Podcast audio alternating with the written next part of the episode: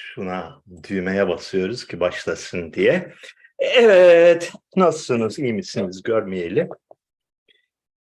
Ee, benim açımdan önemli haber, Pazar Sohbetleri dizisinin ilk iki cildi e, bu akşam itibariyle kitap evlerine girmeye başladı. Yarın sabah çoğu kitap evinde bulunacak.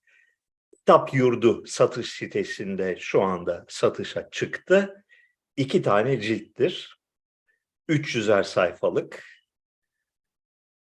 Doğrusunu isterseniz böyle akar gibi okunuyor. Çok güzel okunuyor. Ee, hepsi zannediyorum 10 cilt kadar olacak. Yani 6 tanesi hazır. İkisi basıldı. Diğerleri önümüzdeki haftalarda peyderpey devreye girecek. Ee, geçen hafta da söyledim. Az bastı yayın evi. Cesaret edemedi gereken miktarlarda basmaya. O yüzden bir an önce almazsanız yani pazartesi, salı günü ilk iş hemen siparişinizi koymazsanız tükenir. Ondan sonra da böyle birkaç hafta beklemek zorunda kalırsınız. Ona göre.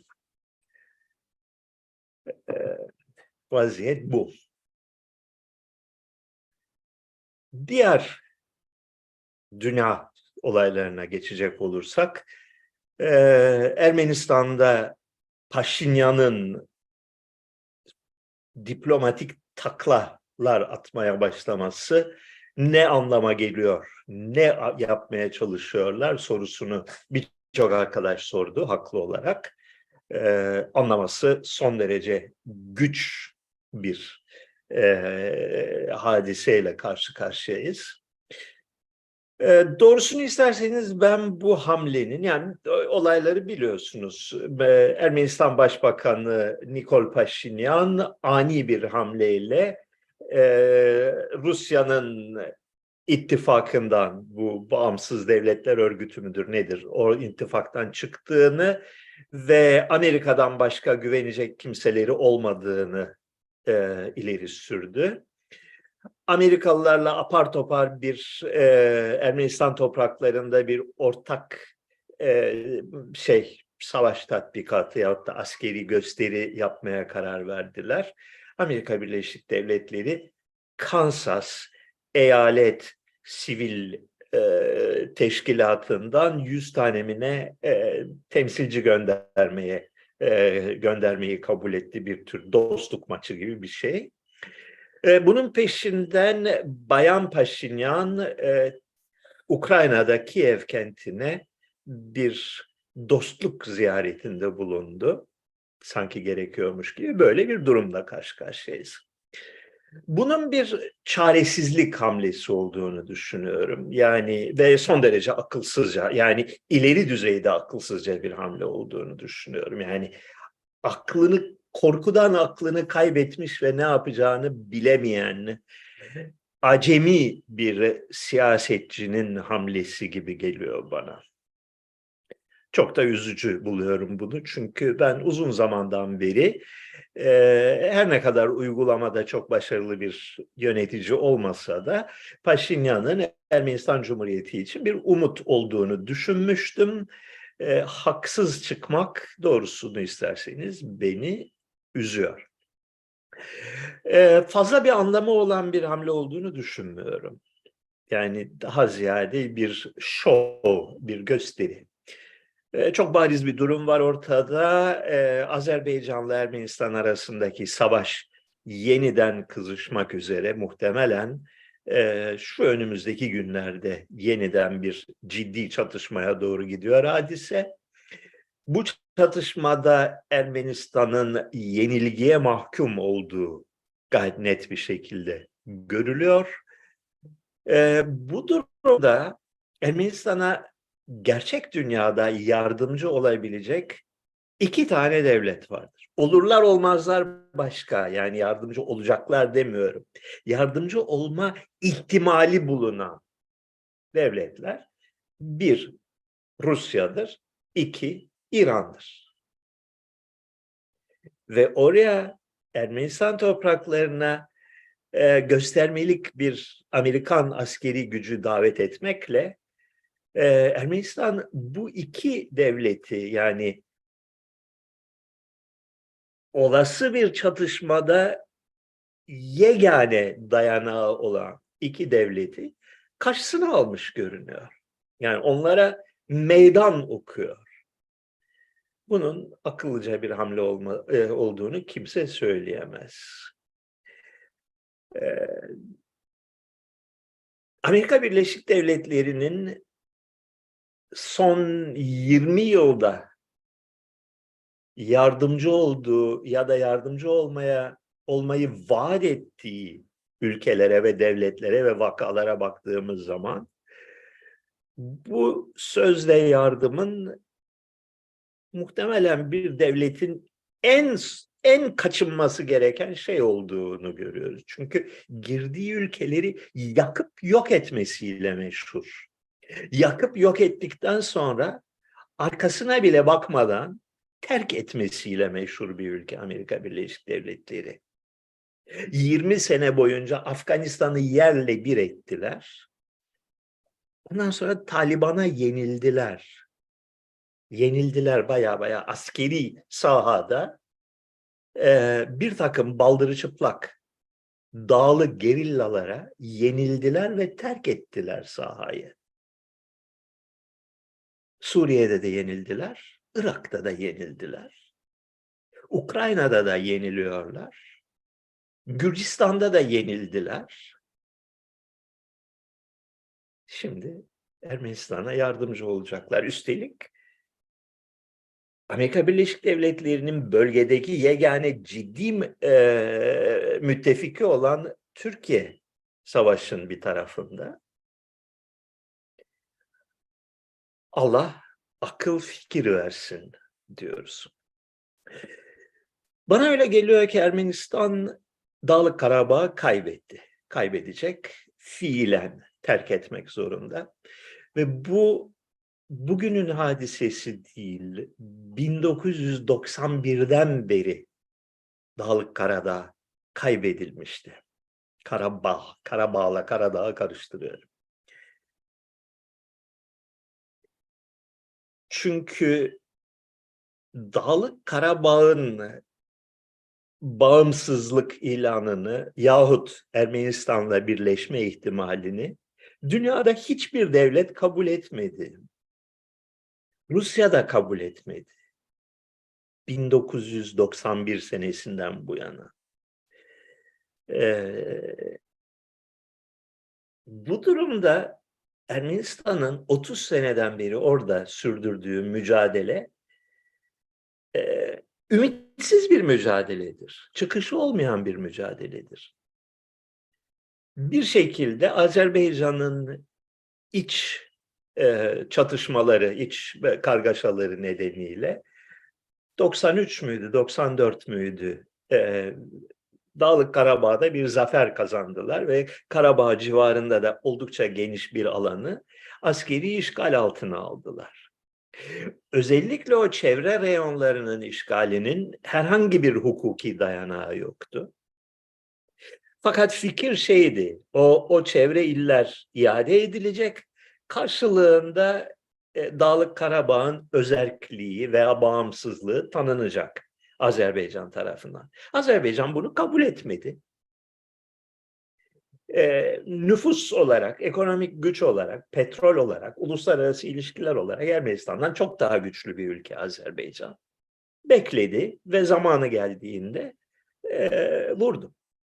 2020 savaşında e, 2020 miydi, 21 miydi e, savaşında e, Dağlık Karabağ'ın kilidi niteliğinde olan Şuşa'yı ele geçirdiler. Yani orayı gözünüzle gö görürseniz anlarsınız. Şuşa dağda tepede son derece stratejik bir yerde bir kasaba. Ve tepeden Dağlık Karabağ'ın Ermeni başkenti olan Stepanakert'i yukarıdan top ateşine tutabiliyor. Yani böyle uçaktan bakar gibi görüyor şeyi Stepanakert. Orayı kaybettikten sonra askeri açıdan bir ümidi kalmamıştı Ka- e, Dağlık Karabağ. E, son savaştan sonra yapılan Ruslarla yapılan antlaşmada geçici bir süre için 5 yıla kadar Rusların orada bir bir çeşit arabuluculuk yapması e, kabul edildi. Buna karşılık Dağlık Karabağ Ermenilerinin silah bırakması ve her türlü e, askeri formasyondan uzak kalması gerekti. Yani hukuken tüm devletler buranın Azerbaycan'a ait olduğunu kabul ettiler. Fakat burada Ermeniler yaşıyor. Halk Ermeni, Azerbaycan'ı istemiyor. Bir şekilde bir geçiş dönemi yarattılar. Bu geçiş döneminin şartları uygulanmadı. Yürümedi. Çünkü bir şekilde Ermeni tarafı orada yenildiğini kabul etmek istemiyor. Ve böylece de 30 yıllık bir süreçte makul bir çözüm imkanını yani orası hukuken Azerbaycan'a ait olur fakat orada yaşayan Ermeniler için bir takım uluslararası garantiler, bir takım e, hukuki, siyasi düzenlemeler, bir özellik statüsü yaratılabilir. Bunu imkansız hale getirdiler. 30 yıl süren bir inadın sonucunda. Bugün öyle görünüyor ki e, Dağlık Karabağ çok yakın bir tarihte e, Azeri devletinin e, kontrolü altına girecek gerçek anlamda. Trajik bir olaydır. Bunun peşinden öyle anlaşılıyor ki Azeri basınında çıkan demeçlere ve sözlere baktığınız zaman asıl Ermenistan'ın da bir bölümünü koparmayı tasarlıyorlar ee, şeyler, Azeriler. Bu iddia karşısında İranlılar son derece dikkatle formüle edilmiş bir bildiri yayınladılar ve dediler ki uluslararası e, sınırlara dokunulduğu takdirde biz müdahale ederiz. Şimdi uluslararası sınırlar dediği zaman Dağlık Karabağ buna dahil değil. Çünkü İran'da tanımıyor Dağlık Karabağ. Uluslararası sınırlar demek Ermenistan'a dokunacak olursanız biz savaşa gireriz dedi. Hemen peşinden Türkiye bir deklarasyonla İran eğer girerse biz de gireriz dedi. Ee, böyle bir savaş ihtimali gerçekten var mı? Pek zannetmiyorum. Büyük ihtimalle Azeri ordusu e, Sünik ilinde yani güneyinde Ermenistan'ın e, bir takım saldırılar düzenleyecektir. Girer gibi yapacaktır. Belki bir, bir miktar e, toprağı işgal edip sonra geri çekilecektir diye tahmin ediyorum. Yani uluslararası sınırları değiştirmeye cesaret edeceklerini zannetmiyorum. Fakat daha ileriki tarihte o sınırları değiştirmek için yol yapacaklar. Altyapı hazırlayacaklar. Yani bir girdik, çıktık ama şartlı çıktık. Sonra şartlar yerine getirilmedi. Hadi bir daha girdik gibisinden bir bir sonraki savaşın altyapısını hazırlarlar diye düşünüyorum. Neden böyle hakikaten akılsızca bir köşeye kendini sıkıştırdı Ermenistan devleti? Valla bilmiyorum. Yalnız Ermeni tarihine birazcık vakıfsanız eğer, biraz biliyorsanız bunun bir adeta bir değişmez bir e, döngü olduğunu fark edersiniz ya da öyle bir hisse kapılırsınız. Önemli bir kitaptır. Bizanslı tarihçi Faustus ya Pavstos Ermenicesi 391 yılında milattan sonra 391 yılında yani günümüzden 1600 küsur yıl önce yazmış olduğu tarihte 370-380 yıllarının Ermenistan, Ermeni-İran savaşlarını anlatır. Ve orada nasıl? Kral 2. Arşag'ın, Ermeni kralı, e, İranlılarla samimi ilişkiler içinde olduğunu, İran Şahı Şapur'un kendisinden çok daha genç olan Arşag'ı e, desteklediği, sarayında misafir ettiğini, akıllı ol evladım dediğini fakat kötü danışmanları yüzünden Arşag'ın Bizanslılara, Bizanslılardan yardım istediği, İran'a karşı Bizans'la e, anlaştığı, bunun üzerine kopan savaşta İran'ın Ermeni ülkesini yerle bir ettiğini, tüm büyük kentlerini, hepsini ot bitmeyecek şekilde yıktığını, Ermeni ülkesinin halkını güruh güruh kafileler halinde kaldırıp İran'ın doğusuna e, sevk ettiğini, sürgün ettiğini anlatır. Yani tamamen akılsızca bir batılı ülkelerle e, iş çevirme politikasının sonucunda nasıl mahvolduğunu anlatır e, Ermeni Krallığı'nın. Bundan yaklaşık 70 yıl sonra, 70-80 yıl sonra yeniden Ermeniler isyan edip İran'a karşı bir e, düşmanlık cephesi kurarlar. Yine Bizans'tan destek alarak bu işi yaparlar. E, Vartan Mamigonyan'dır liderleri Ermenilerin. İran ordusunda rütbeli bir komutandır kendisi. İran'ın güvendiği bir adamdır. Fakat Bizans'la anlaşır. Bizans'tan yardım ister. Büyük bir ayaklanma olur, büyük bir savaş olur Avarer Meydanı'nda 451 senesinde ve Ermeniler hezimete uğrarlar. Bütün Ermeni soylu sınıfı kırılır sıfıra kadar. 481'de. Ha, 451 pardon, 451'de. Ve ne kadar garip bir tecellidir ki zannediyorum dünya milletleri arasında tektir. Ermeniler bugüne kadar Avarayr Savaşı'nı büyük kahramanlık hadisesi olarak, milli bayram olarak kutlarlar. Kutladıkları şey bir yenilgi. Bu bir ulusal bir patoloji bu. Başka bir açıklaması yok bunun. Binli yıllarda 1020 yılına gelmişiz. Bir tanesi Kars tarafında, bir tanesi Van tarafında iki tane küçük krallığı vardır Ermenilerin. Doğudan Türk tehlikesi baş göstermiştir. Türkler sayesinde bir müddetten beri gerileme halinde olan İslam dünyası bir kontratağa geçmeye hazırlanmaktadır. Bizans imparatoru gelir bu taraflara ve der ki, zannediyorum ikinci Vasil'dir e, imparator. Arkadaşlar akıllı olun, gelin bize katılın. Biz, biz size buraların valiliğini verelim. Bir cephe oluşturalım. Ermeniler derler, yok bizim dinimiz farklı, mezhebimiz farklı, asla sizinle e, bu işi yapmayız.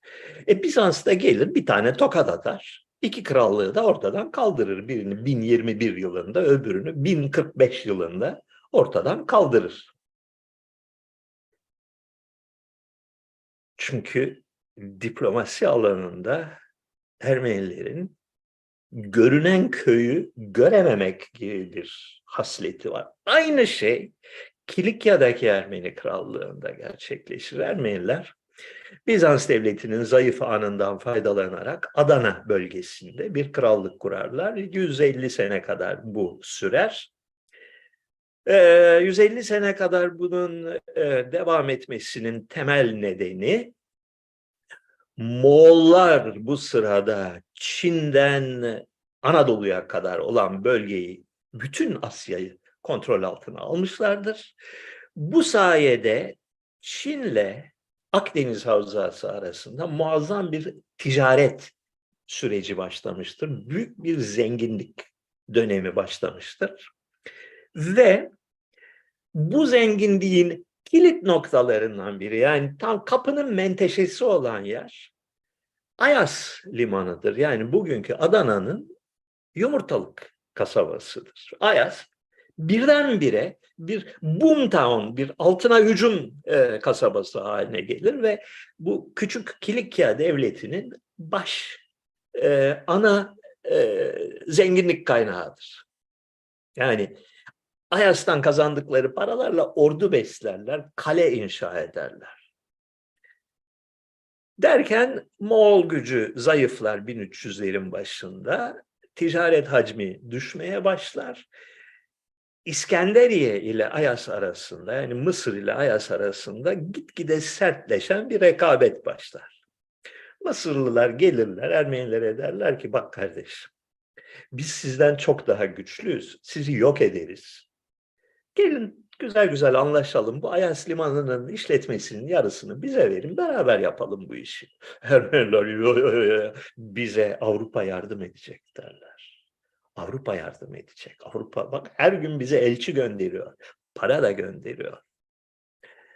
Hem akrabayız onlarla çünkü bir sürü evlilik yapmışlar. Mısırlılar gelirler bir tokat bir tokat daha yerle bir ederler. Memluklar bunlar. Yani burada bir tarihin tekerrürü hadisesiyle karşı karşıyayız. Çok üzücü bir şey çünkü e, Ermenistan devletinin tümü olmasa bile Yerevan şehri, Erivan şehri e, Tiflis'le beraber o bölgedeki hakikaten iki tane medeniyet adacı. Her şeyiyle, yaşam tarzıyla, yaşam gustosuyla, e, restoranlarının kalitesiyle, müzelerinin iyiliğiyle, e, kaliteli insanların bolluğuyla e, var olması gereken şehirler bunlar. Tiflis olsun, e, Yerevan olsun. İyi ki var bu şehirler diyeceğin şehirler akılsızca politikaların elinde mahvolmaları veya ağır darbeler yemeleri insanlık için bir kayıptır. Onu da söylemiş olalım. Bakalım başka neler var. 9 Eylül münasebetiyle İzmir'in işgali hakkında konuşur musunuz veya kurtarılması hakkında hangisi işgal hangisi kurtarma biliyorsunuz bakış açısına göre değişiyor. İzmir'in işgali deyince Türkler 16 Mayıs 1919'u hatırlıyor. İzmir'in işgali deyince Yunanlar 9 Eylül 1922'yi hatırlıyor farklı bakış açıları olabiliyor bazen tarihte.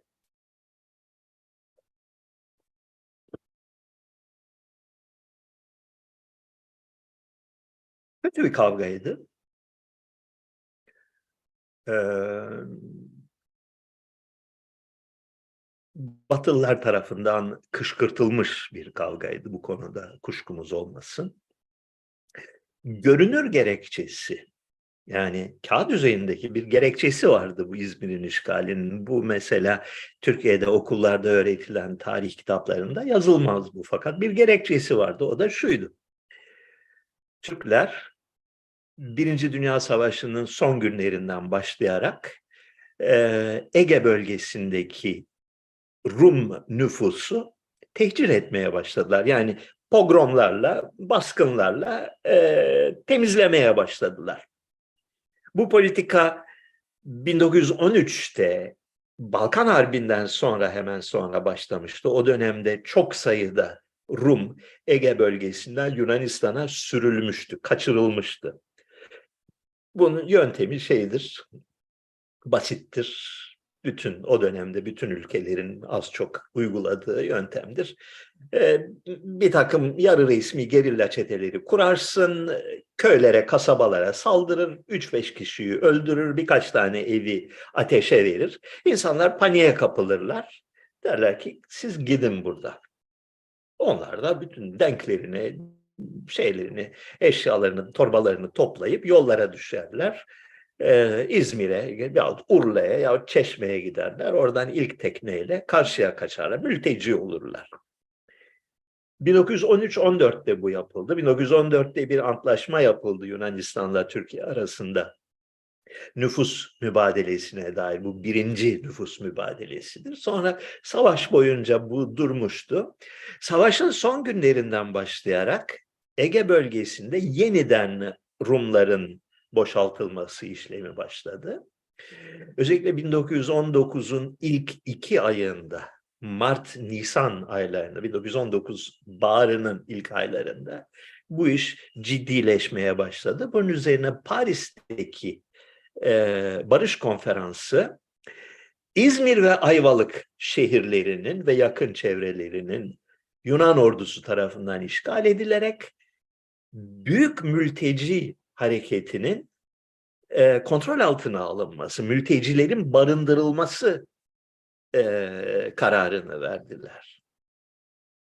Yani Manisa'dan, Denizli'den, Bursa'dan, Erdek'ten, Muğla'dan, evden barklarından atılan Rumlar İzmir'e ve Ayvalık'a gelsinler, oraya yerleşsinler denildi.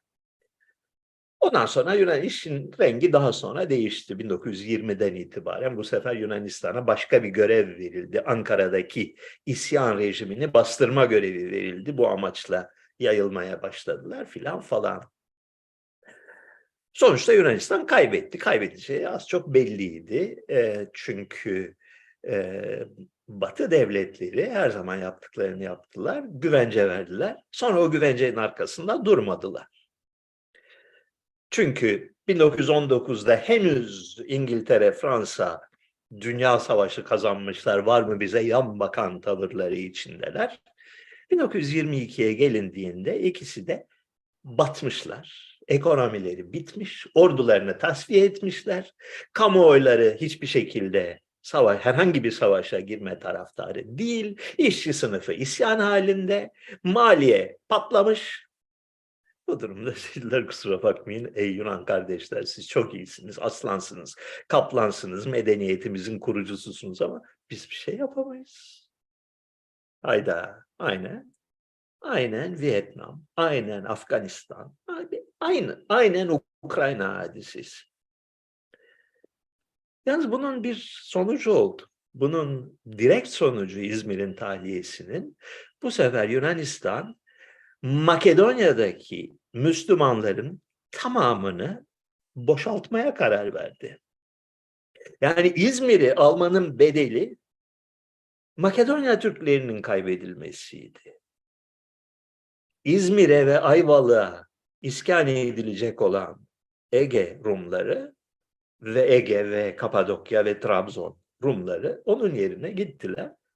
Ee, Makedonya'da yani Yunan Makedonya'sı, Selanik ve onun e, kuzeyi ve kuzey batısındaki bölgede bölgedeki yüzlerce e, Türk ve diğer Müslüman, Müslüman Arnavut ve Müslüman e, Bulgar köylerine e, iskan edildiler. Oranın halkına da Dediler size iki hafta mühlet binin gemilere defolun gidin. İşin bir de bu boyutu var. Yani hiç bedava olmuyor bu işler. Her getirinin bir de götürüsü var.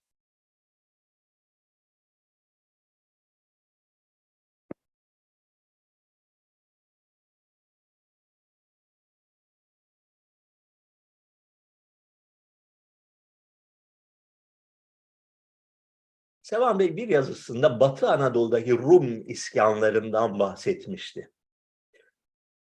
Ee, Şirinceli yaşlı Rumlar ve işte belgeselde gördüğümüze göre Türkçeyi e, Ege şivesiyle konuşuyorlardı. Çarşı dilinin Rumca olduğu İzmir'e bu kadar yakın tamamı Rumlardan oluşan bu köyde Türkçe nasıl bu kadar hakim olmuştur? Bu insanlar adalardan yerleştiyse bir iki nesil içinde nasıl tamamen Türkçe'ye adapte olmuş olabilirler? Şirince'nin tarihini ben 20 sene boyunca her fırsatta araştırdım ve bir çözemiyorum, birçok şeyi çözemiyorum. E, tüm belirtiler bu köyün ciddi bir şekilde 1790'lı yıllarda iskan edildiğini gösteriyor. Daha önce burada bir köy var, çok önceleri, 13. 14. yüzyılda burada bir köy var. Fakat öyle anlaşılıyor ki sonradan bu köy terk edilmiş. Çünkü e, bu Rum iskanından iki kuşak sonra e, İngiliz yahut yabancı seyyahları anlattıkları bizim dedelerimiz buraya geldiğinde burası hep ormanmış. İşte orman içinde bazı ev kalıntıları görmüşler, burası uygundur demişler, buraya yerleşmişler diye bir anlatı var. Öyle görünüyor ki 1790 gibi bir tarihte gelmişler, 1800 bilmem birkaç sene sonra da ilk kiliseyi orada inşa etmişler köyde.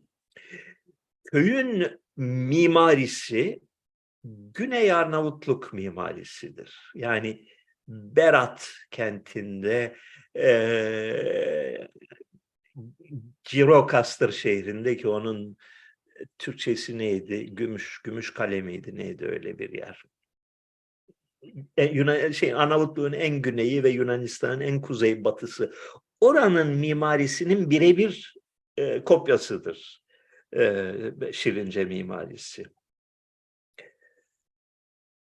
Gelmişler, yerleşmişler ve dilleri ta baştan beri Türkçe görünüyor. Yani en azından 19. yüzyıl sonunda tamamen Türkofonmuşlar. Türkçe konuşan. Aslına bakarsanız Anadolu Rumlarının büyük çoğunluğu Türkofonmuş. Yani e, Trabzon tarafında bir miktar Rumca konuşan nüfus var. E, Ege sahil kasabalarında, deniz kıyısında Rumca konuşan nüfus var. İstanbul var Rumca konuşan. Fakat bunun dışında Anadolu'da sayıları bir buçuk milyonu, iki milyonu bulan Rum'un e, ortak dili Türkçedir. İzmir'de çarşı dili Rumcadır diye bir burada bir ibare okuyoruz arkadaşın sorusunda. İzmir'de Rum kültürünün birdenbire çiçeklenmesi, Rum nüfusun çok artması, 19. yüzyıl sonu ve 20. yüzyıl baş yani İzmir'in bir Rum şehri görüntüsüne kavuşmaya başlaması öyle çok eskilere giden bir şey değil. Her zaman bir Rum nüfus vardı İzmir'de. Fakat bunların gerek sayıca, gerek ekonomik aktivite bakımından egemen hale gelmeye başlamaları, yani şehir yaşantısını belirler hale gelmeye başlamaları, Birinci Dünya Harbi'nden önceki 25 senedir. Çünkü yani bu da üzerinde yeterince durulmayan bir faktör. Bu yalnız İzmir için değil, bütün Türkiye için geçerli bir hadise. 19. yüzyılın son çeyreğinde bir bir dizi faktör üst üste geldi. Bunların bir yandan ekonomik kalkındı. Ege bölgesinde e, üç tane temel ürün üzüm, incir ve tütün. Üzüm, incir ve tütün e, şey, tarımının ticari olarak yapılması sonucunda bir kalkınma dönemi yaşandı ve aynı dönemde tüm Türkiye'de gayrimüslim azınlıkların köylerden şehre göçü yaşandı. Bunu Doğu illerinde çok kuvvetli olarak izliyoruz. Ege bölgesinde de bunun şeyleri var. Müslümanlar değil, Hristiyanlar, batıda Rumlar, doğuda Ermeniler köylerini terk ederek şehirlere göçmeye başladılar. Dolayısıyla şehirlerde gitgide büyüyen, gitgide e, daha iyi organize olan, gitgide modern hayata, şehir hayatına intibak eden bir e, Rum ve Ermeni varlığı oluştu. 20. yüzyılın trajedilerinde bu sosyal olayın etkisi genellikle göz ardı ediliyor diye düşünüyorum.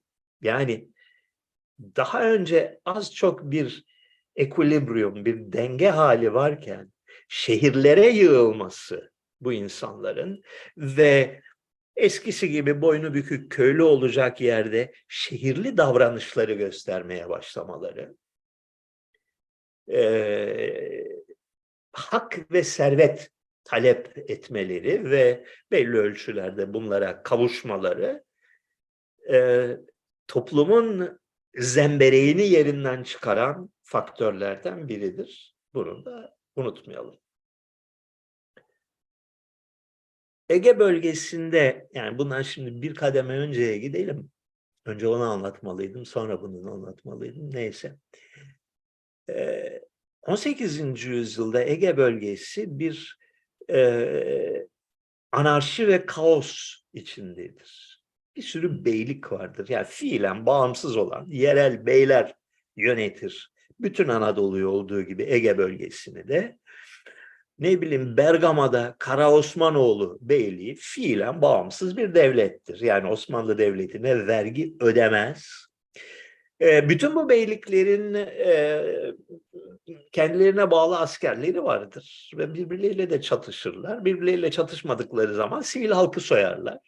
Gelip geçen kervanlardan haraç alırlar. Böyle bir durum bir kaos içindeydi. Ee, ya Evliya Çelebi'de de bunun izlerini görebilirsiniz. Yani korkulacak bir şeydir Ege'nin taşrasında dolaşmak 17. 18. yüzyıllarda. Üçüncü Selim zamanından itibaren 1790'lardan itibaren e, Osmanlı Devleti duruma el koymaya teşebbüs eder. Üçüncü Selim zamanında biraz dener. Olmaz. İkinci Mahmut zamanında 1820'lerde çöker. Yani sahip çıkar. Asayişi temin eder. Beylerin çoğunu ortadan kaldırır. Merkezi bürokrasi ve merkezi askeri güç gelir Ege bölgesine. Bunun sonucu olarak ekonomik açıdan faydalı olmaya başlar bu bölge ve e, tütün, üzüm ve incir tarımının ciddi bir şekilde uygulanmaya başlaması bu tarihten itibaren de 1820'lerden itibaren tarımı geliştirip ticari piyasalara e, sevk etmeye başlarlar. Yerel Türkler bugün de bildiğimiz gibi bu işleri pek sevmezler. Aksine biz bunca senedir efelik yapmışız. Biz bunca senedir silah taşımışız. Şimdi gidip rençberler gibi çalışacak mıyız duygusu içindedirler. Bunun üzerine Osmanlı Devleti de ne yapar? Rum ve Ermeni ithal eder.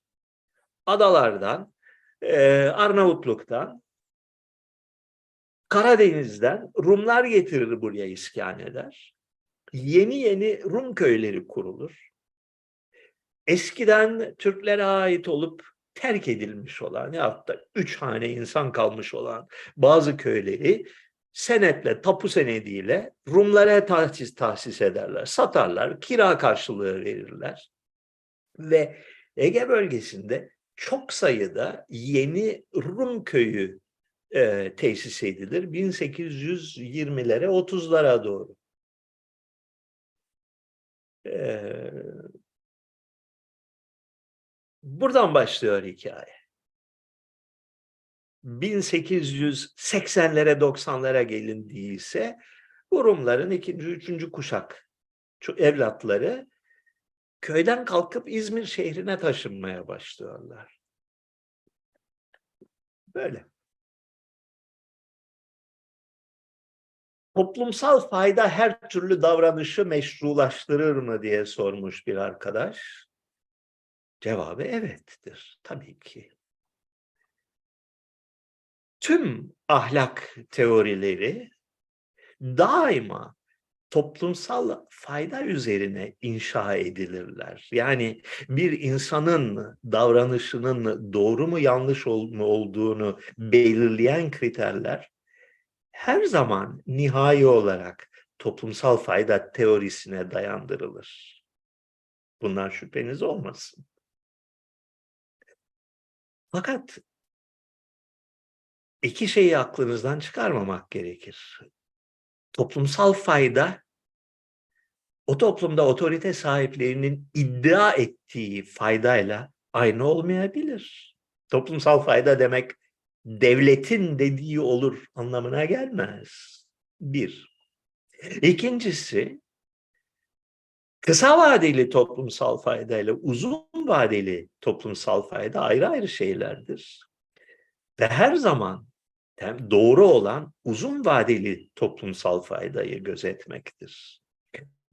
Yani bireylere belli bir özellik alanı tanınması, bireylerin belirli haklarına asla dokunulmaması, çok büyük mecburiyet yoksa dokunulmaması bir uzun vadeli toplumsal faydanın gereğidir. Toplumun daha sağlıklı, daha güvenli, daha üretken, daha entelektüel açıdan renkli ve canlı olmasını sağlayacak olan şey budur. Bireylerin özellik alanlarının geniş tutulması.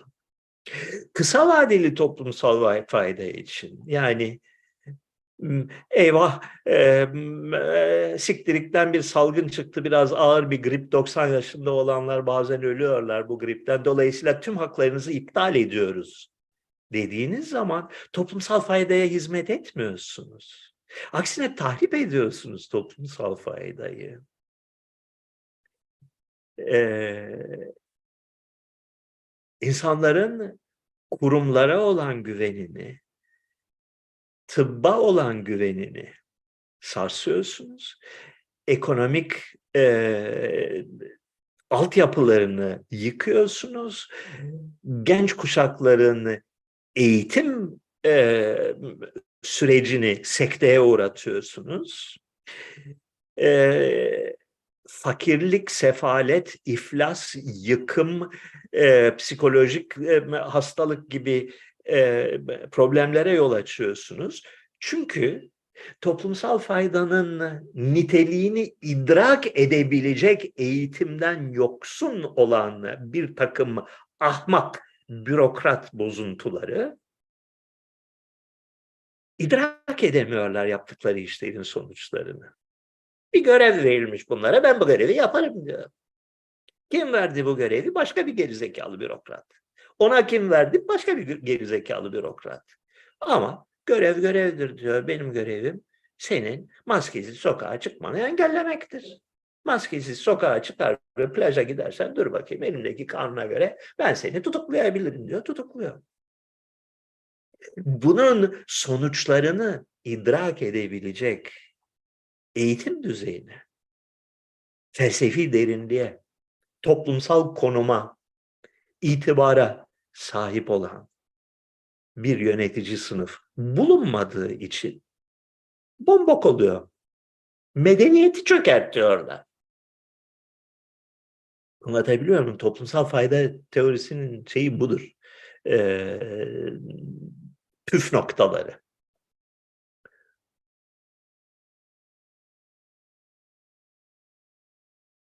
Bilimsel sosyalizm olmalı mıdır diye sormuş bir arkadaş.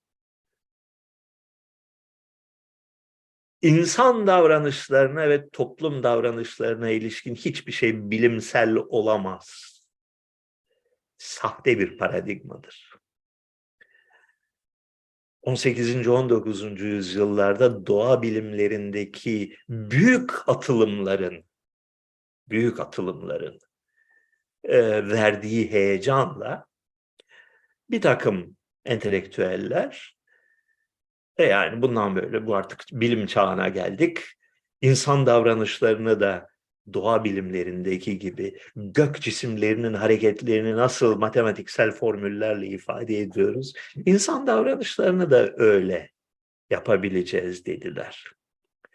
Çok aptalca bir şeydi bu. Yani dehşetli bir akıl durması hadisesiydi. Çünkü gök cisimleriyle insan cisimleri arasında çok önemli bir fark vardır. Gök cisimleri aptaldır. Gök cisimleri bilinçle hareket etmezler. Bir tane fıskiye vurursun, milyar yıl boyunca o öyle gider. İnsana bir tane fıskiye vurursan bir gider şöyle ondan sonra durur. Aa, ben niye gidiyorum ki diye e, sorgular. Eşine dostuna sorar biz niye gidiyoruz bu yöne diye. Vazgeçer geri gelir.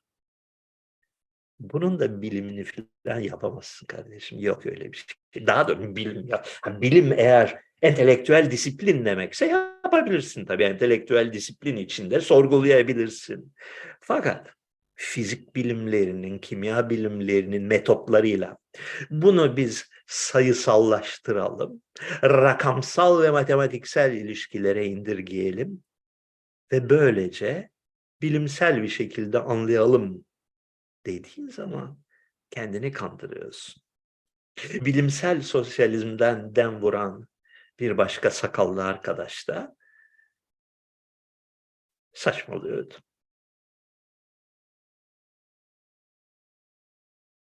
Rus ekonomisinin dünyanın top 5 ekonomisi arasına girmesine ne diyorsunuz demiş bir arkadaş. Gülümseyerek izliyorum diyeceğim. Ee, 2022 rakamları açıklandı. Bundan 2-3 hafta önceydi yanılmıyorsam.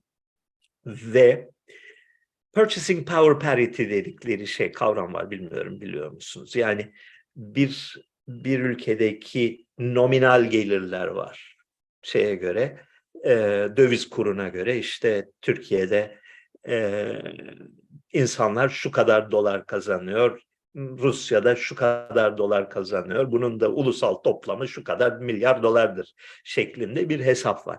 Bu hesap hiçbir şey ifade etmiyor. Çünkü döviz kurları sabit değil. Döviz kurları bir şey ifade etmiyor. Bunu ifade etmiyor satın alma gücü eşdeğerliği açısından ulusal geliri hesapladığınız zaman 2022 yılında Alman ekonomisi küçüldü, Rus ekonomisi bayağı say saygıdeğer bir büyüme gösterdi ve bunun sonucu olarak e, yorumlara göre ya Almanya ile başa baş hale geldi Rus ekonomisi ya da Almanya'nın bir gıdım bir santim üstüne çıktı. Bunu Dünya Bankası mı yayınladı ne? Yani büyüklerden bir tanesi yayınladı. Yani Rusların iddiası değil bu. Şimdi bu e, yani affınıza sığınarak şeyi hatırlatmak istiyorum. İlk bu e, Ukrayna Savaşı çıktığında bir takım sevgili dostlarımız demişlerdi ki Rusya ve Rusya'nın ekonomisi İspanya'nınkinden küçük. Rusya bir hiçtir. Rusya bir e, arkasına bir ülke eklenmiş bir benzin istasyonudur gibisinden. E, Amerikan propaganda sanayinin ürünlerini tüketiyorlardı. Adeta Coca-Cola içer gibi ya da ne bileyim son model iPhone alır gibi. Öyle değil. Yani gerçekten bir büyük bir kriz geçirdi Rusya 1990'lardan mahvoldu, sıfırlandı. O tarihten beri 2000 yılından beri gayet istikrarlı bir şekilde büyüyor, güçleniyor. Ee, kuvvetli bir sanayi altyapısı var. Çünkü Gerçi e, Rusların normal zamanlarda, barış zamanlarında bürokratik idare yetenekleri birçok açıdan yetersiz olmakla birlikte genellikle tembellik, yolsuzluk, umursamazlık gibi hastalıklardan ve alkolizm gibi hastalıklardan mustarip olduğu halde öyle anlaşılıyor ki ulusal bir kriz karşısında bayağı ciddi ve kuvvetli bir şekilde toparlanmayı ve seferber etmeyi, güçlerini seferber etmeyi başaran bir ülke. Ve öyle anlaşılıyor ki sanayi kapasitesi, potansiyeli yani. Lazım olduğu zaman harekete geçirebileceği sanayi üretimi kapasitesi batılı ülkelerin birçoğundan daha kuvvetli. Artı doğal kaynaklar açısından zengin. Artı eee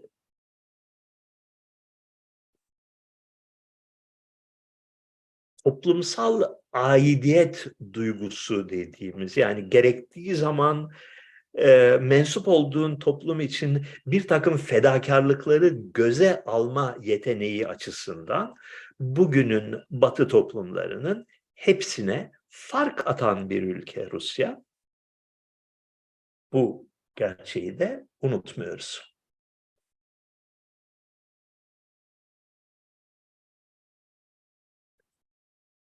Kutsal Bakire Meryem ile Efes Artemisi arasındaki ilişki nedir?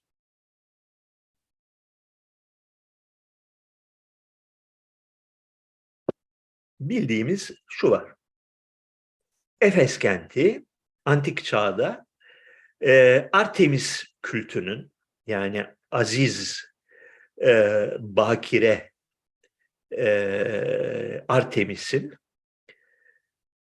vahşi bir kız olan, savaşçı bir kız ve fakat bakire olan Artemis tanrıçasının en önemli ziyaretgahıydı Batı Anadolu'da. Ee, Artemis Tapınağı, Efes'teki Artemis Tapınağı, Samos'taki Hera Tapınağı ile birlikte karşılıklıdır bunlar. İkisi biri adada, biri karada.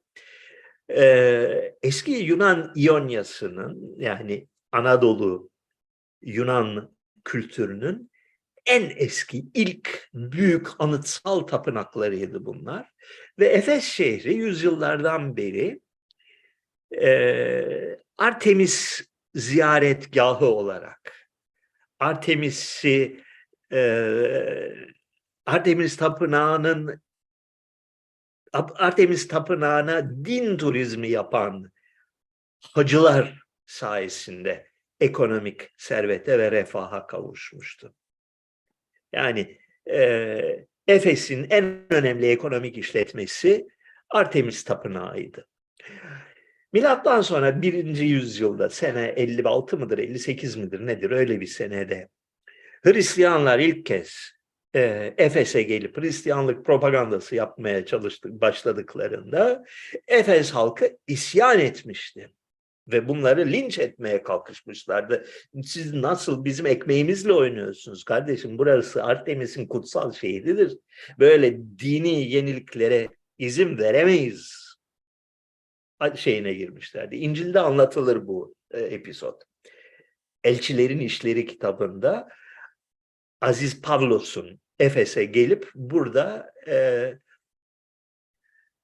şehir tiyatrosunda bir sunum yapmak istemiş. Bütün kalabalık, bütün halk e, şey gibi bu geçen günkü Ermenistan futbol maçında olduğu gibi tezahüratla boğmuşlar adamın sesini. Konuşturmamışlar.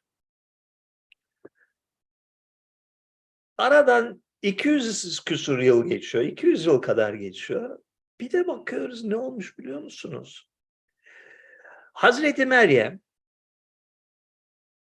hiçbir resmi kayıtta adı geçmeyen, Romalıların kayıtlarında bulunmayan, sadece İsa'nın annesi olarak İncil'de kendisinden söz edilen bu muhterem kişi meğer, meğer Efes'e gelmiş, orada yaşamış, orada ölmüş, türbesi de oradaymış.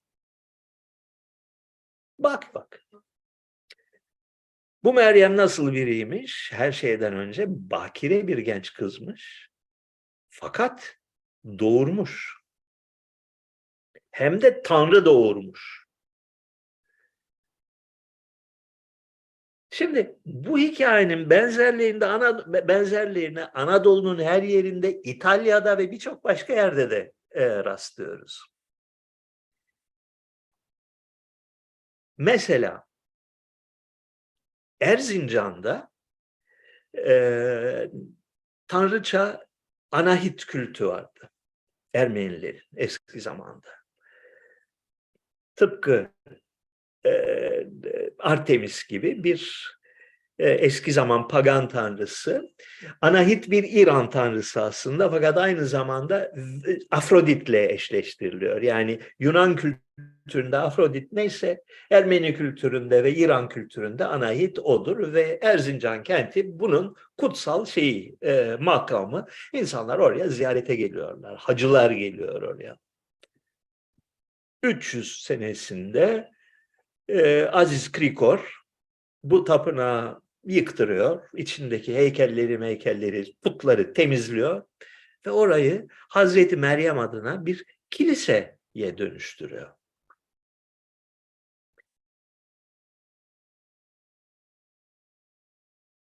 Öyle anlaşılıyor ki bu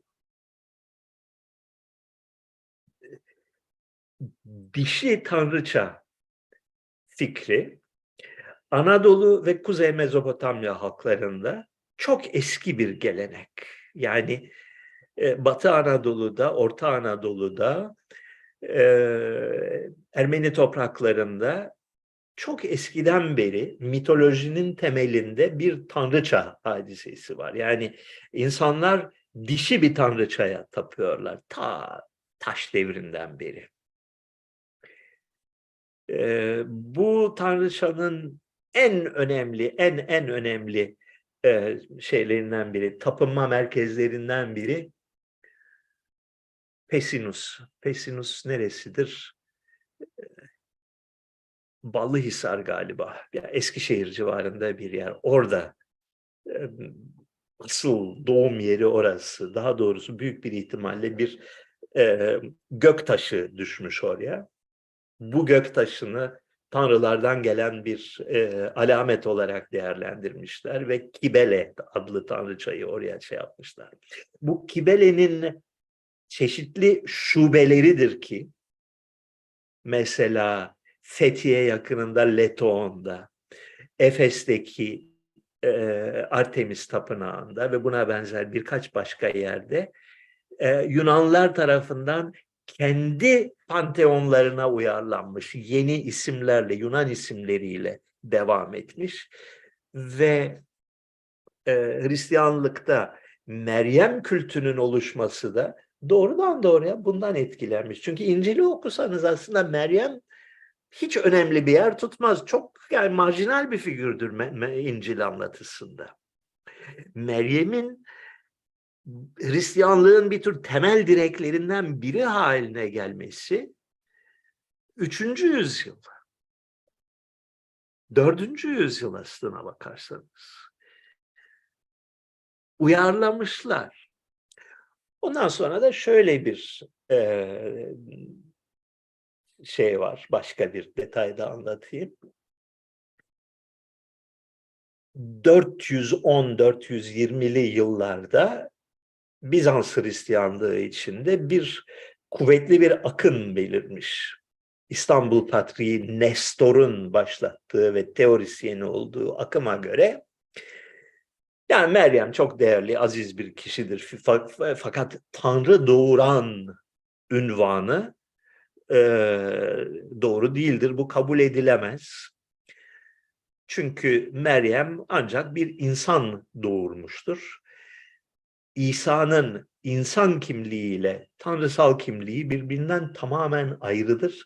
Meryem bunlardan birincisini doğurmuştur, ikincisini değil. Böyle bir teorisi var. Bunun bayağı zengin bir felsefi altyapısı da var bu şey bu teorinin. Yani göründüğü kadar saçma bir argüman değil bu. Okuduğun zaman metinleri vay diyorsun. Neler düşünmüş adamlar. Ee, Nestor'a karşı büyük bir tepki doğdu özellikle Ermeni illerinde korkunç bir şekilde bu böyle bir zındıklıktır, bunu kabul edemeyiz dediler. İstanbul'da da anti-Nestorcu parti e, şeyi ele geçirdi, e, inisiyatifi. Nestor'u patriklik makamından indirdiler, Mısır çölüne sürdüler. Git defol başımızdan diye. Ve bir konsil toplamaya karar verdiler. Yani tüm Hristiyan aleminin bir umumi meclisini topladılar ki nedir bu iş diye. Ve üç kağıda bakar mısınız? Efes'te topladılar o şeyi, konsili. 431 yılında. Neden Efes'te topladılar? Çünkü Efes'te kimse Meryem aleyhine konuşmaya cesaret edemez. Meryem'in türbesi orada. Konsilden önce ve sonra bütün ekip olarak gidip Meryem'in türbesine ibadet edeceğiz. Ondan sonra şimdi Meryem Tanrı doğurmadı demek olur mu? Yani kim buna cesaret edebilir? O yüzden e, Efes'te topladılar meclisi ve resmen ve alenen Hazreti Meryem'e Theotokos ünvanı verildi. Tanrı doğuran. Ermenicesi Astvazadzin. Allah doğuran. 431.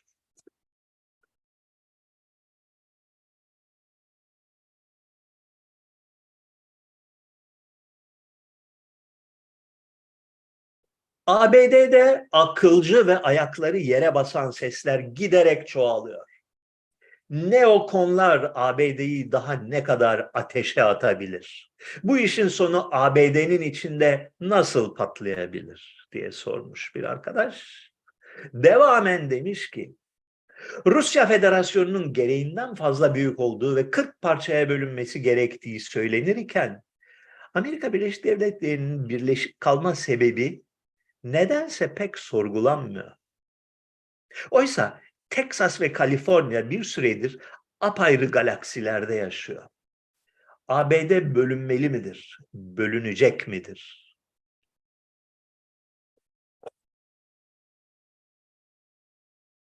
Birincisi ABD'de e, akılcı ve ayakları yere basan sesler giderek çoğalıyor. Doğru. Fakat bu seslerin siyasi etkisi nedir? Gerçek karşılığı nedir? Bilmiyorum.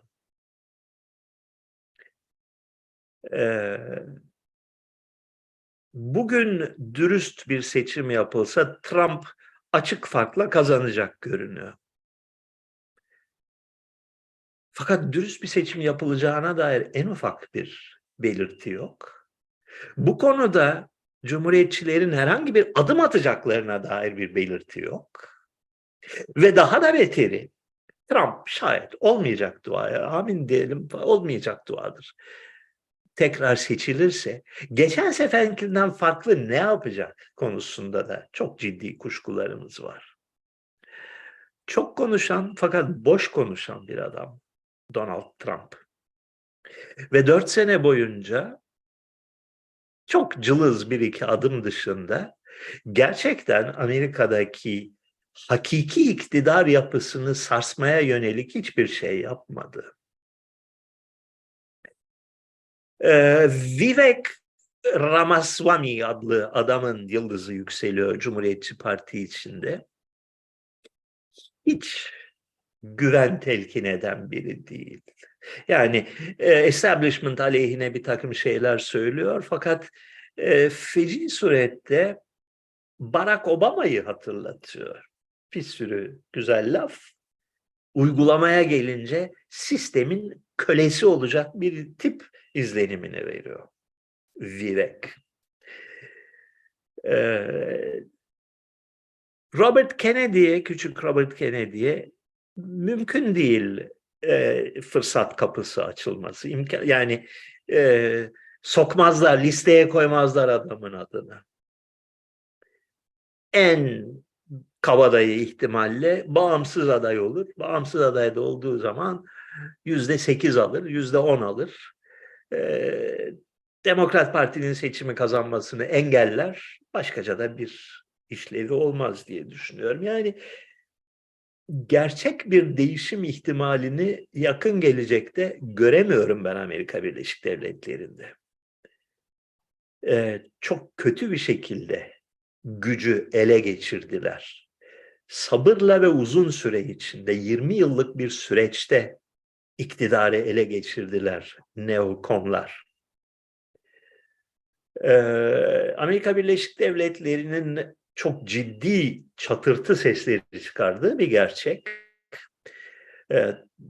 Texas ve Florida özellikle adeta yer yer özellikle bu Covid olayından sonra federal hükümete meydan okur bir tavra girdiler ve çok ciddi boyutlarda meydan okur bir tavra girdiler. Yalnız onlar değil ne bileyim Güney e, Dakota gibi iç eyaletleri Amerika'nın e, çok memnuniyetsiz görünüyorlar. Çok çok şikayetçi görünüyorlar.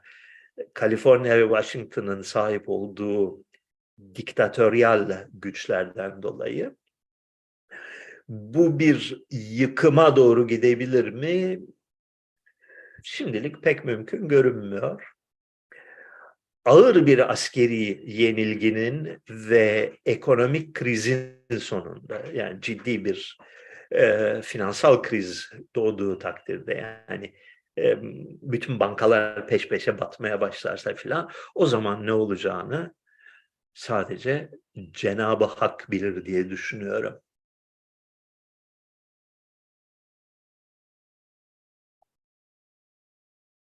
Türkiye'de orta ölçekli bir bankanın genel müdürü aylık bir buçuk milyon lira maaş alıyor.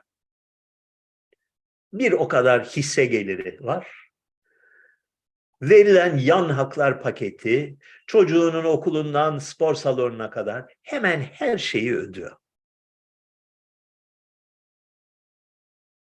Buna karşılık Türkiye Cumhuriyeti Cumhurbaşkanı son maaş zammı ile birlikte aylık 140 bin TL yani 4460 euro alıyor.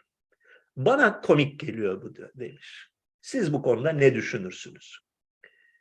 Devleti yöneten kişilere gerçekçi maaşlar verilip gerçekçi beklentilere mi girilmelidir? Yoksa bu seviyedeki görevliler hayır işi konseptinde mi, görevler hayır işi konseptinde mi icra edilmelidir? İkisi de değil, ikisi de doğru değil. Çünkü devlet başkanının elinde e, banka müdürünün o elinde olmayan bambaşka yetkiler ve güçler var. E, yani devlet başkanının elinde trilyonluk ihaleleri kendi uygun göreceği insana verme yetkisi var. Kanun çıkarma yetkisi var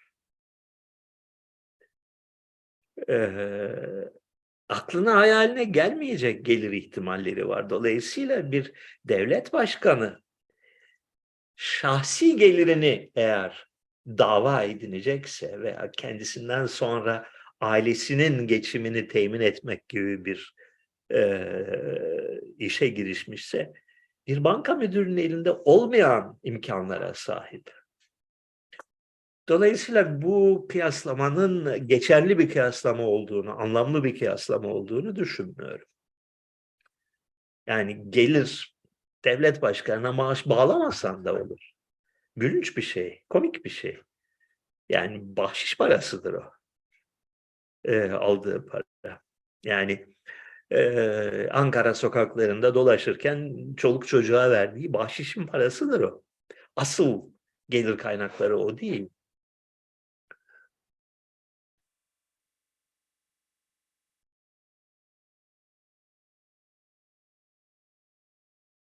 Silahlı mücadele örgütleri neden kritik isimlere suikast düzenlemek yerine meydanlarda bomba patlatıp sivil öldürüyorlar sorusu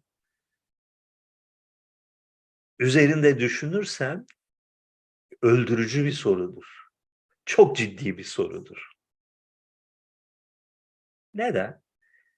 E, siyasi otoriteye karşı bir meydan okuma veya intikam alma operasyonu içindeysen eğer, suikast düzenlemek yerine, yani nokta atışıyla adam devirmek yerine meydanlara bomba koyasın ki bir sürü masum insan ölüyor.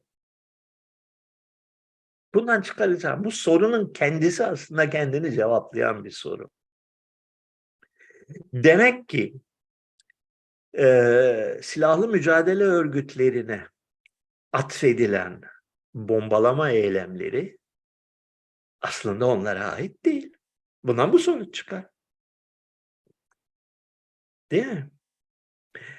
Yani sen bir ülkedeki zalim rejimi devirmek gibi bir hedefe sahipsen veyahut da ne bileyim sinirine dokundu.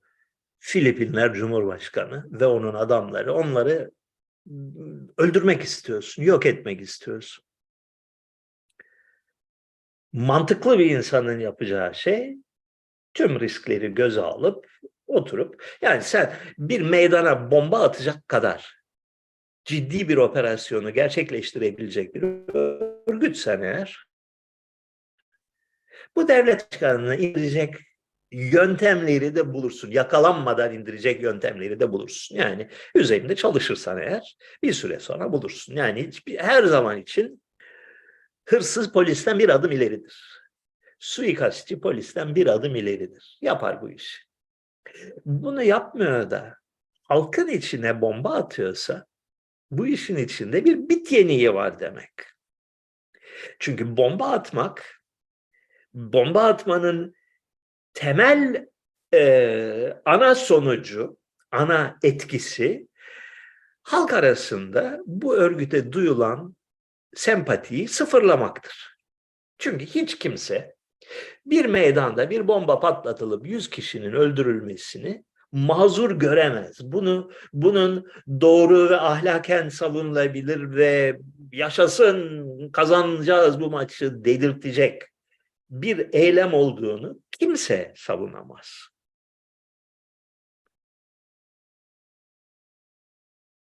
E o zaman niye yapıyorlar? Daha doğrusu kim yapıyor? Bu soruyu sorun. Yani herhangi bir yerde Belçika'da, Hindistan'da, Yeni Zelanda'da körlemesine kitlesel cinayetle sonuçlanan bir eylemi falanca terör örgütü üstle, üstlendi diye e, duyduğunuzda bütün antenlerinizin dikilmesi lazım. Olur mu böyle saçmalık? Niye sorusunu sormanız lazım ve bu soruyu sorduğunuz zaman cevabı kaçınılmaz bir şekilde gelecektir. Yes.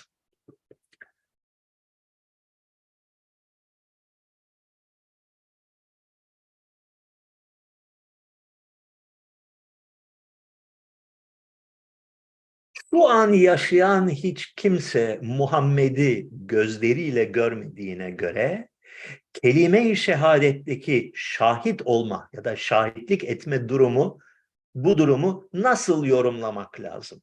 Mecaz mıdır? Yalan mıdır? Kendini kandırmak mıdır?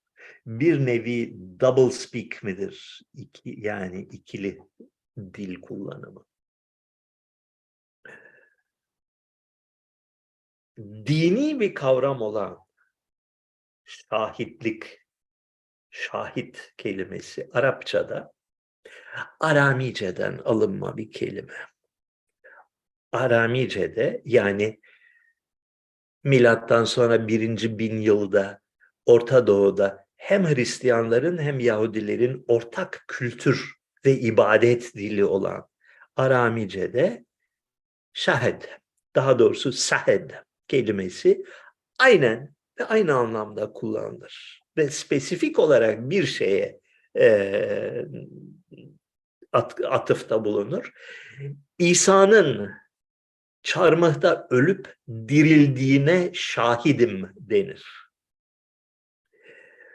Meşhur Roma İmparatorluğu zamanındaki zulümlerde hani bir aslanlara atmışlar, öldürmüşler.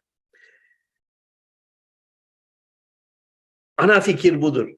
Israrla şahit olduğunu söylüyor.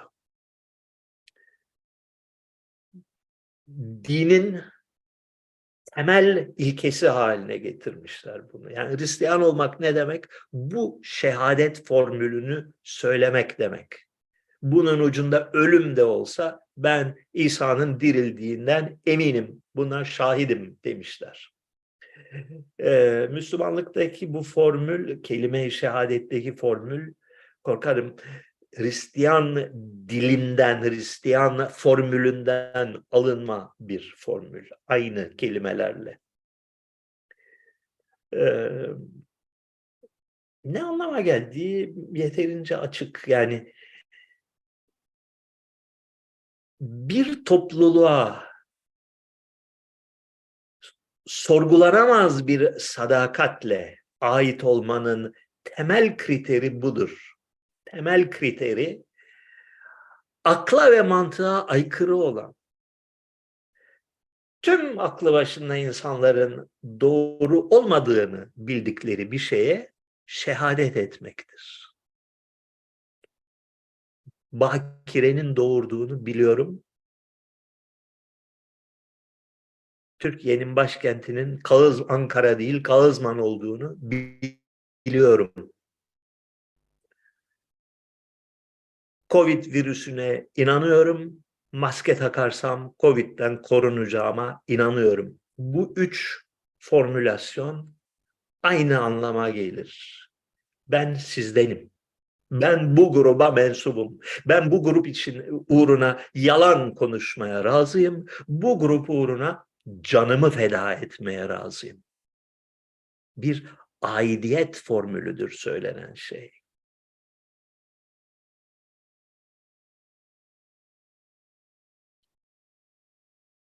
Evet Muhammed'in yaşadığını biliyorum demek bir aidiyet formülü değildir.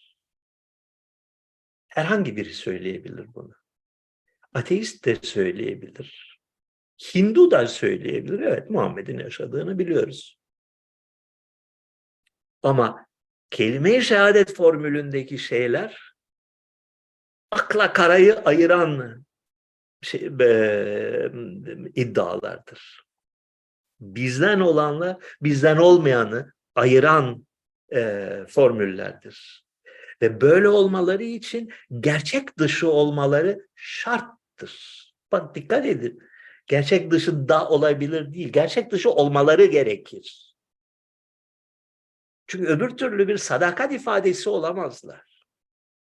Yani zaten hakikatse, herkesin bildiği objektif bir gerçekse, bunu e, buna şehadet etmekle bir şey kazanmıyorsun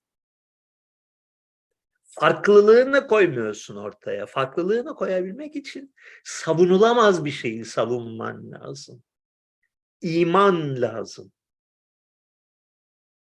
Budur. Kuvvetle bir arada duran bir grubu. Yani insanların hayat boyu sadık kalacağı bir grubu. Diğerlerinden ayıran şey. İrrasyonel bir formüle kayıtsız şartsız evet demek.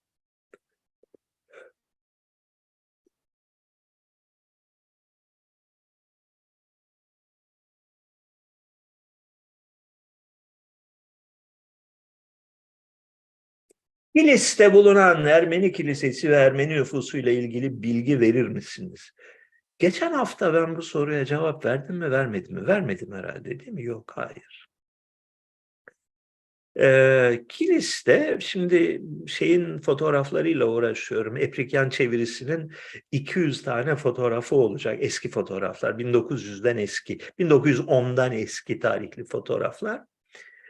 Ee, orada gördüm kilis, kilisesinin kilisin ortasında hayvan gibi kocaman bir kilise var. Yanılmıyorsam Katolik Ermeni Kilisesi. Yani Halep'te olduğu gibi e, Kilis'te de Halep'e bağlı bir yer Kilis. E, o tarihte. Kilis'te de e, Ermenilerin çoğu veya belki hepsi Katolik dinine mensup. O yüzden de o yüzden de e, standart Ermeni literatüründe yani 19. yüzyıl sonu 20. yüzyılda Osmanlı Devleti'nde bir sürü yayın var Ermenilere ait Ermenilere ilişkin de hep e, Kadim Ermeni Kilisesi'ne mensup olan kişiler tarafından ve Kadim Ermeni Kilisesi'nin bakış açısından yazılmıştır bunlar. Katolik, Katolik kötü onlar, bizden değil onlar. O yüzden e, korkarım zannediyorum bu yüzden hemen hemen hiç literatür yoktur e, Kilis Ermenileri hakkında. Kilis Ermenileri hakkında şunu biliyoruz. E, 1604-1605 yıllarında İran'da Şah Abbas büyük bir Ermeni operasyonuna girişti. Ee, İran'ın batı illerinde ki buna bugünkü Ermenistan ve Azerbaycan da dahildir. Orası İran'da o zamanlar. Ee, başta o bölgede ve işte Tebriz civarında yani İran, Azerbaycan'ı ile bugünkü e, Ermenistan Cumhuriyeti topraklarında yaşayan Ermenileri e, bunlar Osmanlı ajanıdır diye, Osmanlılarla çok fazla haşır neşirler ve Osmanlıları tutuyorlar diye o bölgeden sürmeye başladı. Yasaklandı. Bütün o coğrafyada Ermenilerin yaş- yaşaması yasaklandı. Bunları İsfahan tarafına sürdüler ve İsfahan tarafında bir büyük Ermeni kasabası ve bir takım Ermeni köyleri kurdular. O dönemde kaçabilen kurtuldu ve o dönemde e, İran ülkesinden Osmanlı ülkesine çok büyük bir Ermeni göçü gerçekleşti. E, Kilis Ermenilerinin de 1605-1606 yıllarında Culfa'dan geldikleri e, kaydediliyor. Yani Culfa neresi biliyor musunuz? Bugünkü Tebriz'in kuzeyinde e, tam tam e, Aras Nehri üzerinde yani er, Nahçıvan sınırında, Nahçıvan'la şeyin e, e, İran'ın tam sınırında İran tarafında olan bir şehir. Oradan göçmüşler ve e, Kilis'e yerleşmişler. Aralarında Culfa'nın en büyük zengini olan Bedikyan Hoca, Koca Bedikyan diye geçiyor, var imiş. Koca Bedikyan Osmanlı Devleti'nin çok güvendiği, çok sağlam bulduğu birisiymiş. Zaten o yüzden sürgün gelmiş bu tarafa.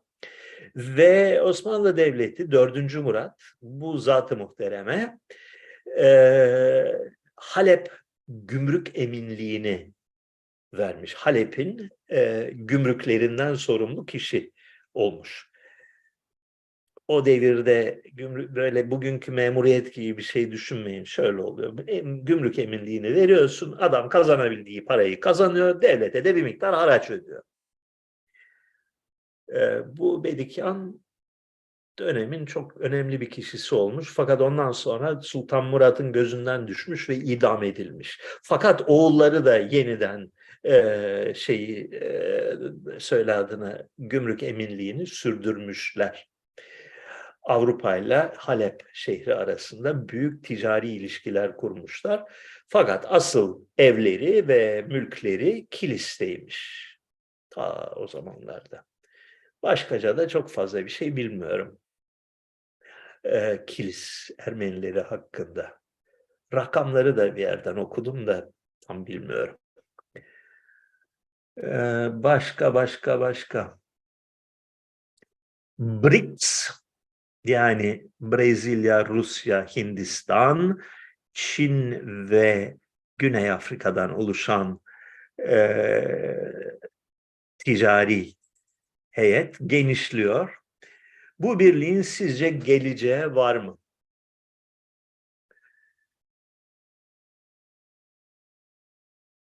Evet, çok enteresan gelişmelerdi. Çok büyük heyecan doğurdu dünyanın büyükçe bir bölümünde. 5 üyeden şimdi 11 üyeye çıkardılar.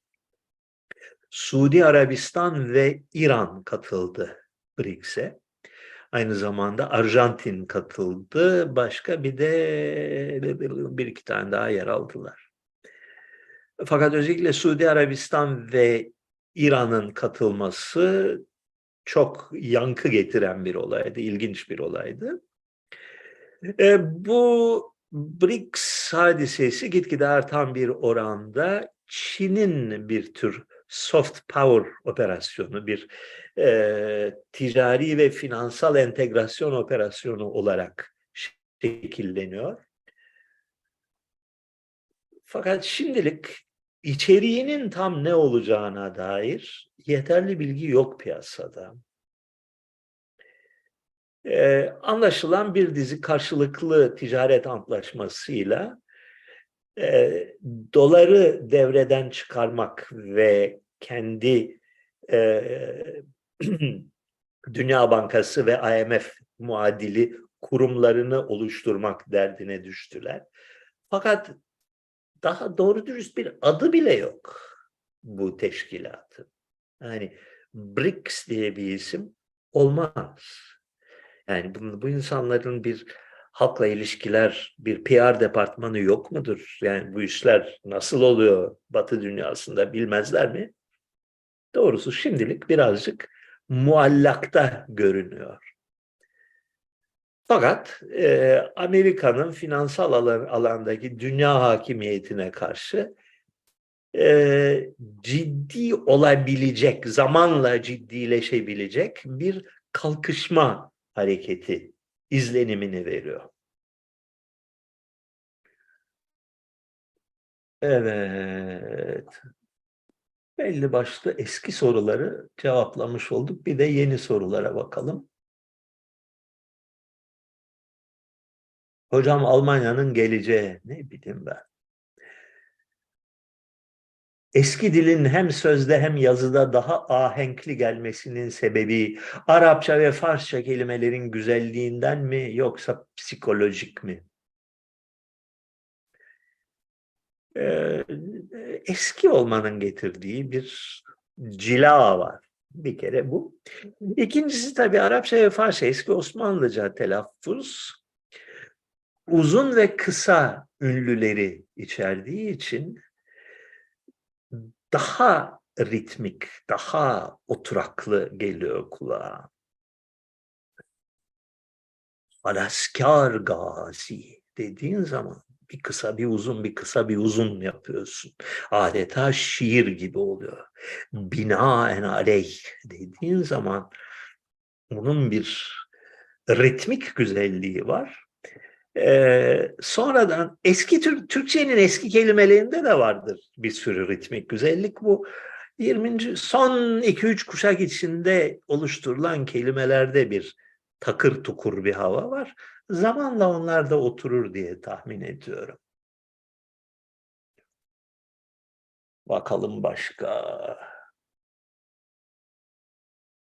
Hindistan'ın isim değiştirme konusunu muhakkak sorun demişler ve en azından 15 kişi bana baharat kelimesi Hindistan'ın Hintçe adı olan Barat'tan mı gelir ee, sorusunu sordu. Neden, nereden çıkmışsa bu soru bilmiyorum. Hindistan'ın tıpkı Türkiye'den esinlendiler galiba. Türkiye bu, bu, bu saçma modayı çıkardı. Başkalarına resmi yazışmalarda Türkçe imla ile Ü harfiyle Türkiye denilmesini dayattı. Çoğu insan da bunu umursamadı. Hindistan'da şimdi Hindistan'a Hintçe ismiyle Barat denmesini istiyor. Baharat değil, Barat. O BH harfi Hintlilerin kullandığı Latin alfabesinde kuvvetli bir B şeklinde telaffuz ediliyor. Hintçe'de iki tane ayrı B var. Bir tane önden bir tane arkadan söylenen, bir tane dudak kapalı bir tane açık söylenen. Ee, Peter Sellers'ın bir filmi vardı. Ee, şeyde Bahçıvan'da olan film neyse unuttum filmin adını. Orada çok feci dalga geçerdi bu Hint aksanıyla B ve P harflerinin ifade, söylenişiyle. Ee, Birdie Nam Nam diye Birdie B. Neyse filmi görmüşseniz hatırlarsınız deli komik bir sahnedir o Birdie Nam Nam sahnesi. Geçiniz. Ne diyorduk? Ha. Ee, hayır, Türkçe baharat kelimesi Hindistan adından gelmiyor. Yok alakası yok e, bahar Farsça bir ilkbahar anlamına geliyor. İkincisi ilkbaharda dağı taşı kap, kapsayan bütün kokulu otların adı bahardır. Bahar, bahar açar çayırlarda. Ee, baharat bunun Arapça çoğul ekiyle yapılmış çoğulu baharlar anlamında. Hindistan'ın adı olan Barat'la hiçbir bağı yok e, barat kelimesini geçen yüzyıl, önceki yüzyıl sonlarında keşfettiler yanılmıyorsam. Eski Hint destanlarında geçen bir isim böyle Turan filan gibi bir şey. İngilizlerden kurtulup Hindistan'ı kurma davasına düştüklerinde Hindistan diye bir yer yok. Var ama yok. Hayallerde var. Yani bir e, konsept olarak var kafalarda fakat tarihin hiçbir aşamasında tek bir devlet olmamış. Öyle bir devlet yok. Geçmişte de yok. İngilizlerden önce de yoktu. Ee, e şimdi devlet istiyorlar. Buna bir isim lazım. İşte eski mitolojiden öyle bir kelime buldular. Kullanılan bir isimdir. Yani Hindistan'a gittiğiniz zaman her yerde karşınıza çıkan bir isim. Hindistan'ın adı. Şimdi dediler ki India bir Batı emperyalizminin icat ettiği bir kavramdır. Batılıların bu ülkeye verdiği isimdir. Biz bunu kabul etmiyoruz. Biz kendi öz kültürümüzün bir ürünü olan ve hakiki Hintliliğin e, timsali olan Barat kelimesini kullanacağız bundan böyle. Milliyetçilik böyle bir şey.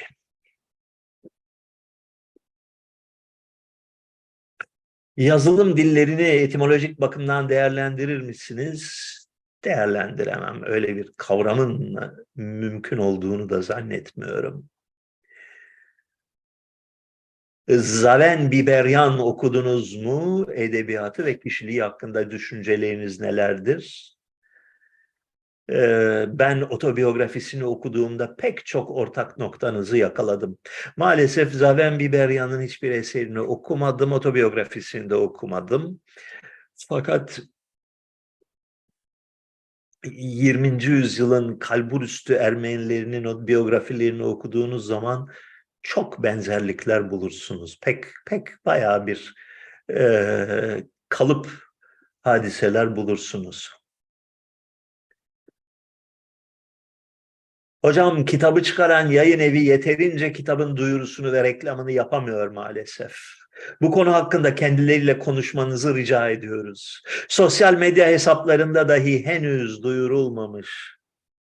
Çünkü kitaplar yarın çıkıyor, bugün daha çıkmadı. Ee, elbette konuşuyorum.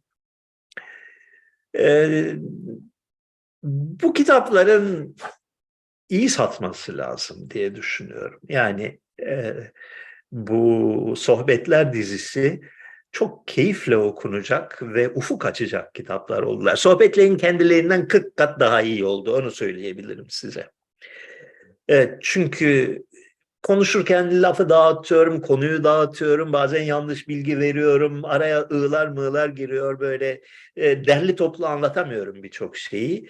Onları derledim ve topladım ve bayağı yani sıkı dokulu güzel bir kitap oldu. Oluyor. Peş peşe geliyor şeyler, ciltler.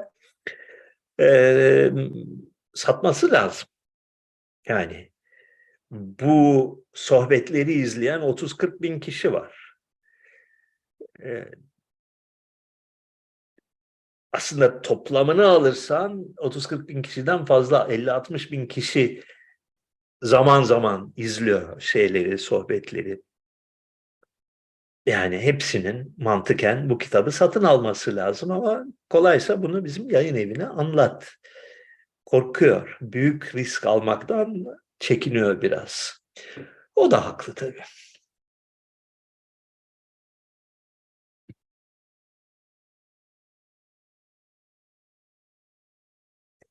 Güzel bir yaşam alanı inşa etme isteği insana nereden gelir?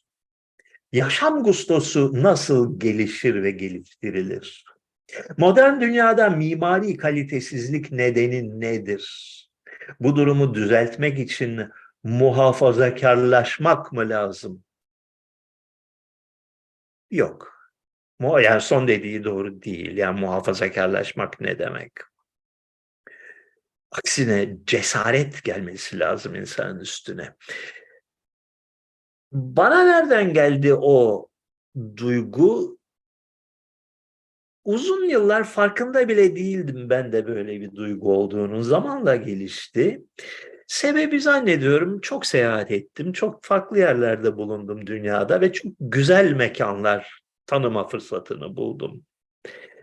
Ee, Yani ayıptır söylemesi gittiğim lisede, gittiğim üniversitede mimari açıdan bir bir şiirdi ikisi de. İkincisi özellikle üniversite. Yale. Ee, beş sene üstümden atamadım ben onu. Hayran oldum. Her köy, her her daha beşinci senesinde hala bir takım köşe bucağını keşfediyordum. Nasıl bu kadar güzel yapabilmişler? Bu insanda bir şey bırakıyor. Avrupa'nın tüm güzel köy, kent ve kasabalarını gezdim zaman içinde. Ee, İç ve Kuzey Avrupa ayrı bir medeniyettir. Akdeniz Avrupası ayrı bir medeniyettir. İkisi de şaheserler yaratmışlar. Hem anıtsal mimaride hem e, mütevazi köy mimarisinde, vernaküler mimaride şaheserler yaratmışlar. Çok güzel yerler. İnsanın e, bir minnet duygusu uyanıyor içinde. Yani bunu benim için yapmışlar bu güzelim şehirleri, anıtları, e, kaleleri, manastırları ben göreyim ve faydalanayım diye. Ben ve benim gibi milyonlarca insan yapmışlar bu insanlar. Onlara karşı bir borcumuz var. Yani biz de bir şey yapmak zorundayız ki bizden 100 sene sonra insanlar bunu görüp helal olsun Sevan Efendi'ye bak ne güzel iş yapmış desin. Hayatlarına bir güzellik gelsin.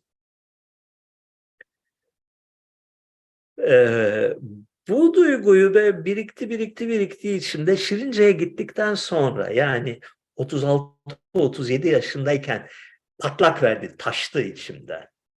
Çünkü ilk kez, yaşamımda ilk kez içinde yaşadığım mekanı şekillendirme imkanı buldum. Yani daha önce güzel evlerde oturdum, hep güzel evlerde oturdum, hep dört ayak üstüne düştüm de Amerika'da olsun, İstanbul'da olsun. Ee, hazıra kondum yani kiraladım. Ya da şeyde e, üniversite evlerinde kaldım. Daha sonra İstanbul'da güzel bir iki evi kiraladım. Ya, içinde yaşadım. Ama sıfırdan başlayıp güzel bir mekan oluşturma cesaretinin üstüme gelmesi 36 yaşımdan sonradır. Ee, ve çok hızlı bir şekilde şunu gördüm ki bu bir cesaret meselesidir. Yani böyle bir işe kalkıştığın zaman tüm dünya seni çalışacak. Yani bir, birincisi para her zaman için. Para bir sıkıntıdır. Paran olması lazım güzel işler yapabilmen için. İkincisi yakın çevrendeki insanları ikna edebilmen lazım. Yani ben bu işi yapıyorum ama böyle olması lazım. O yüzden böyle yapıyorum diyebilmen lazım. Ondan sonra işte mimariydi, mühendisiydi, ustasıydı, imar kuruluydu, valiliğiydi, jandarmasıydı, sikiydi, tekiydi hepsini birden e, hepsine meydan okuman lazım. Çünkü hiçbiri bilmiyor güzel bir mekan nasıl bir şeydir diye. Dolayısıyla anlamıyor seni. Ne yapmaya çalıştığını anlamıyorlar. Ee, zor bir mücadele. Ben size söyleyeyim onu. Ama değer. Yani e, hayat zaten zorluklarla dolu. Bari, bari sonunda güzel bir şey çıksın. Değil mi?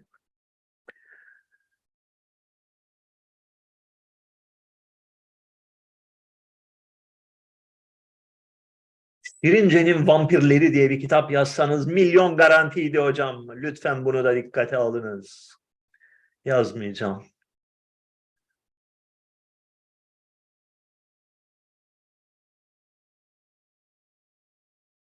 Kitaplar iyi satacak. Başka yol yok. Ama kitaplara dipnotlar falan koydunuz mu?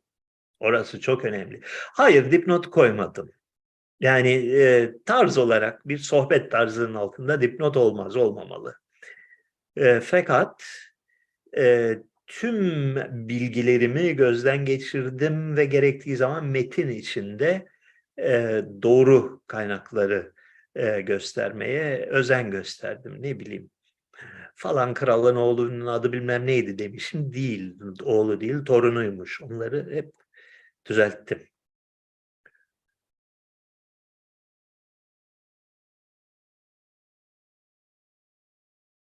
E, ha, Pembe Panter filminde. Pembe Panter filminde değil, Bahçıvan'ın olduğu film hangisiydi? Bahçıvanlı olan film. Pembe Panter de, de, de miydi o şey? E, Birdie Nam Nam e, episodu. Birdie Nam Nam.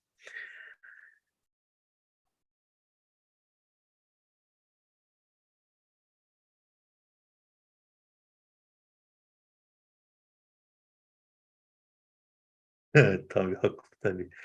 Mahabharata ne, ne ayak peki hocam? Oraya da geliniz lütfen rica ediyorum demiş. Çekya yaptı ilk defa bu, bu numarayı demiş. Tabii e, Hintlilerin en eski destanının adı Büyük Barat Destanı. Mahabharata. Nasıl çıktı aklımda? Çıktı. Destandan kaynaklanır dedim ama o kısmı doğruydu. İsim yani. Ondan sonra biri de çok komik bir şey. Hindistan'a da eğer barat olacaksa o zaman nasıl ne aya nasıl BRICS oluyor? Çünkü BRICS de İ harfi India demek. Değiştirmeleri lazım o ismi. Ve havalı bir isim koymaları lazım. Benim önerim The Free World koymaları lazım. The Free World.